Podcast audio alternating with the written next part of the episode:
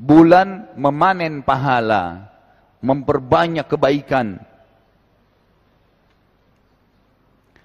Misal contoh, saya sering bahasakan begini, Bapak Ibu sekalian, mau nggak sementara Anda puasa, kemudian Anda juga mendapatkan pahala puasa 100 lagi, seperti pahala Anda, atau 1000? Jawabannya tentu mau kan? Caranya bagaimana? Sederhana, membuka puasa kan orang yang puasa. Mau tiba Ramadan nih, pegang masjid mana, saya siapin tiap hari air mineralnya ya. Berapa jemaahnya? 200 orang. Saya siapin. Satu dus isinya berapa? 48 atau 50 misalnya. Baik, dua dus per hari. 5 dus per hari. 100 dus kalau anda punya duit. nggak ada masalah. Pegang semua buka puasanya. Kata Nabi SAW, Man fattara sa'iman. Kana lahu mithla ajri min gari an yangkus min ajri sa'imin syai'a. Siapa yang membuka puasakan orang yang puasa, dia akan dapat pahala orang yang berpuasa tanpa dikurangi sedikit pun. Perhatikan ini penting sekali. Saya waktu pertama kuliah di Madinah, tahun 90 dulu, awal Ramadan saya bilang sama teman-teman saya, kita ke Masjid Nabawi yuk, kita lihat bagaimana buka puasa di sana. Ada keajaiban yang terjadi Bapak Ibu sekalian saya tidak bisa lupa dalam hidup saya. Dan hampir setiap kali saya punya kesempatan motivasi masalah buka puasa Ramadan, saya sampaikan kisah itu. Waktu itu kami turun dari bus kampus, turun sekitar berapa meter dari masjid, lalu kami datang. Saya pertama sekali yang saya lihat adalah luar biasa melihat Masjid Nabawi, masya Allah besar, bagus. Kemudian di depan masjid itu ada banyak orang yang membelakangi masjid, yang membelakangi masjid. Jadi masjidnya di sini, masjid di belakang. Mereka menghadap ke arah orang yang datang gitu. Saya masih bertanya-tanya, banyak orang, ada puluhan orang, ratusan orang. Saya ini orang lagi nunggu orang atau gimana gitu. Tapi semuanya menghadap ke arah orang yang datang. Saya dapat jawaban untuk saya mendekat Bapak Ibu sekalian. Untuk saya dekat tiba-tiba saya dipeluk salah seorang di antara mereka. Teman-teman saya semua dipeluk-pelukin sama orang-orang ini. Lalu saya lihat saya nggak kenal orang ini, saya masih baru tiba di Madinah, belum ada kenalan gitu kan. Siapa orang ini gitu? Saya tahu jawaban untuk dia bisikin kuping saya, dia bilang apa? Akhi, saudaraku, tolong buka puasa di tempat saya ya. Apa dia bilang? Saudaraku, tolong buka puasa tempat saya. Ternyata di Masjid Nabawi itu Bapak Ibu sekalian, Anda kalau umrah Ramadan, itu Anda bisa lihat, di sana itu ada banyak sufroh, plastik-plastik yang dibuka, ditaruh jack-jack zam-zam dan nanti ada orang datang sudah itu dia dari kakek-kakeknya turun temurun megang booking tempat itu. Nggak kasih orang lain dia. Bapak ibu kalau mau ikut sekarang sudah nggak bisa. Udah penuh. Itu ditaruh roti yogurt taruh kurma macam-macam. Nanti ayahnya nunggu dalam anaknya di luar cari mangsa cari mangsa ya bukan seperti anda sudah RT-nya datang ini giliran bapak ibu oh sudah tiba giliran saya ya masih bertanya gilirannya sudah tiba atau enggak. Bukannya langsung bantu, langsung ikut. Ini enggak, ditarik. Itu Bapak Ibu waktu saya bilang, baiklah saya buka puasa. Tangan saya dipegang, dibawa sampai ke tempatnya loh, di masjid. Nih, jangan berdiri ya, saya disogok sama dia. saya katakan tanda kutip, dikasih pisang, dikasih yogurt, jangan berdiri ya. Besok datang lagi sini buka puasa, dia keluar lagi cari mangsa lain. Sampai masjid penuh. Bayangin tuh mereka mau cari pahala luar biasa gitu. Saya pernah punya kejadian juga, ini bukan riak, tapi fa'amma bini rabbika fahadith, disuruh oleh para ulama kalau bisa motivasi orang bisa diceritain, gitu kan. Saya pernah umroh sama ayah saya Ramadan, kemudian saya menuju ke Mekah, naik bus. Kebetulan waktu itu saya tidak ikut travel, cuma sendiri ambil visa dari kedutaan, kemudian saya berangkat berdua dengan ayah saya. Naik bus umum di Saudi, kemudian ada kebetulan yang bawa bus orang kita gitu, orang Indonesia. Kita rencananya buka puasa di jalan, nanti tiba di Mekah Isya gitu kan. Terus saya bilang sama bapak yang bawa mobil, Pak, buka puasanya disiapin. Dia bilang, iya ada. Di mana Pak? Ini air mineralnya di bawah sini ada kulkasnya, di belakang ada kurma, ada macam-macam roti-roti. Baik, Bapak bawa aja. Nanti kalau sudah dekat azan, biar apa namanya e, berhenti, nanti saya yang bantu. Saya ambilin air mineralnya, ambilin kurmanya, saya aturin gitu. Di bus itu kapasitasnya 50 orang, 51 dengan supirnya. Lalu saya buatlah. Orang-orang yang di sekitar saya semua ini lihat nih. Saya lagi ngatur kurma, ambil kuenya, atau di piring. Kemudian saya bagiin satu-satu gitu. Udah. Tidak ada Bapak Ibu sekalian satu pun yang berdiri bantu saya. Satu pun gak ada, duduk semua. Saya terus bagi, ya sudah saya dalam. Di sebelah saya kemudian ada satu tentara dari Damam. Tentaranya Saudi dari Damam. Di sebelah saya, di depan saya ada satu orang Mesir sama istrinya gitu. Lalu pada saat saya duduk, langsung dia bilang sama saya, kalau semua orang Islam seperti kamu, orang akan suka agama ini. Maksudnya, kok kamu semangat sekali cari pahala? Gitu. Saya balik lihat ke mukanya lalu saya bilang dalam hati saya, saya nggak bilang sama dia. Lalu kamu buat apa? Kamu nih buat apa duduk tadi di situ? Mestinya jangan bantu berdiri gitu loh. Kan gitu. Ayo cari pahala. Bukan cuma, oh iya ya bagus orang kerjakan. Bukan. Sebelah lagi saya orang Mesir tadi sama istri bilang, oh Masya Allah ya kau panen pahala kita semua. Selesai. Hanya itu konsepnya. Kenapa kok cuma bilang gitu? Kenapa kamu nggak berdiri? Gitu kan? Padahal ini semua jenis disiapin. Pernah saya bilang sama ada pengajian juga Bapak Ibu, saya bilang ini buka puasakan orang besar. Ustadz kami nggak punya uang untuk buka puasakan orang. Sampai pada tingkat tidak ada uang. Kadang-kadang mereka yang dibuka puasa. Saya tanya, Bapak Ibu buka puasa di mana? Di masjid Ustadz dekat rumah. Baik. Kalau lagi dihidangkan makanan oleh marbot, Bapak Ibu jangan jadi orang kaya duduk. Jangan kayak bos-bos, berdiri bantu. Mana air aquanya, air mineralnya, mana kurmanya diatur. Kalaupun malas nggak mau oke lah, jadi raja-raja nggak apa-apa duduk, gitu kan? Jadi ratu-ratu duduk aja, ada masih dapat pahala. Air mineral kita tukar sama teman di sebelah. Ini buat kamu ya, dia ambil punya dia. Kita dapat pahala dia, dia dapat pahala kita. Ada modalnya? Nggak ada. Tapi nggak mau dikerjain.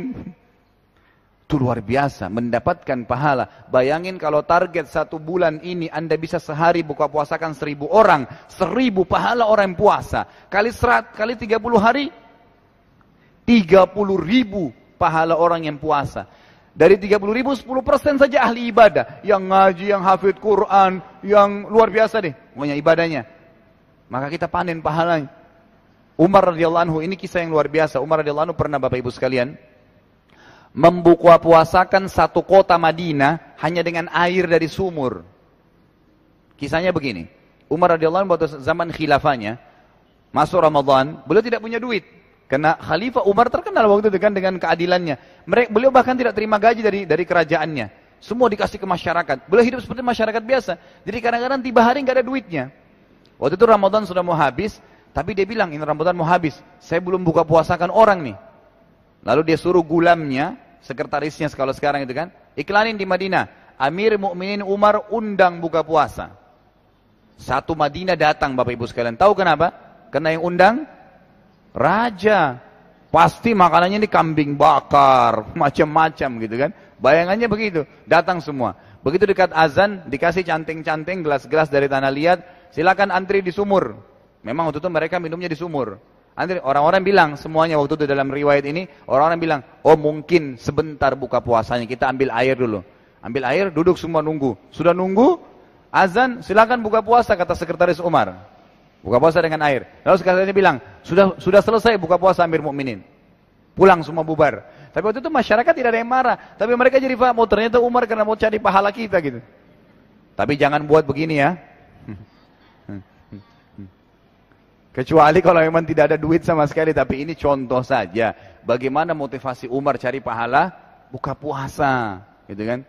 Sama halnya kesempatan kalau ada kebenaran rezeki ada masjid lagi dibangun. Bangun masjid itu. Gitu kan bangun. Ada kegiatan-kegiatan pengajian seperti ini yang memotivasi orang ibadah, bayar, kasih sumbangin duit.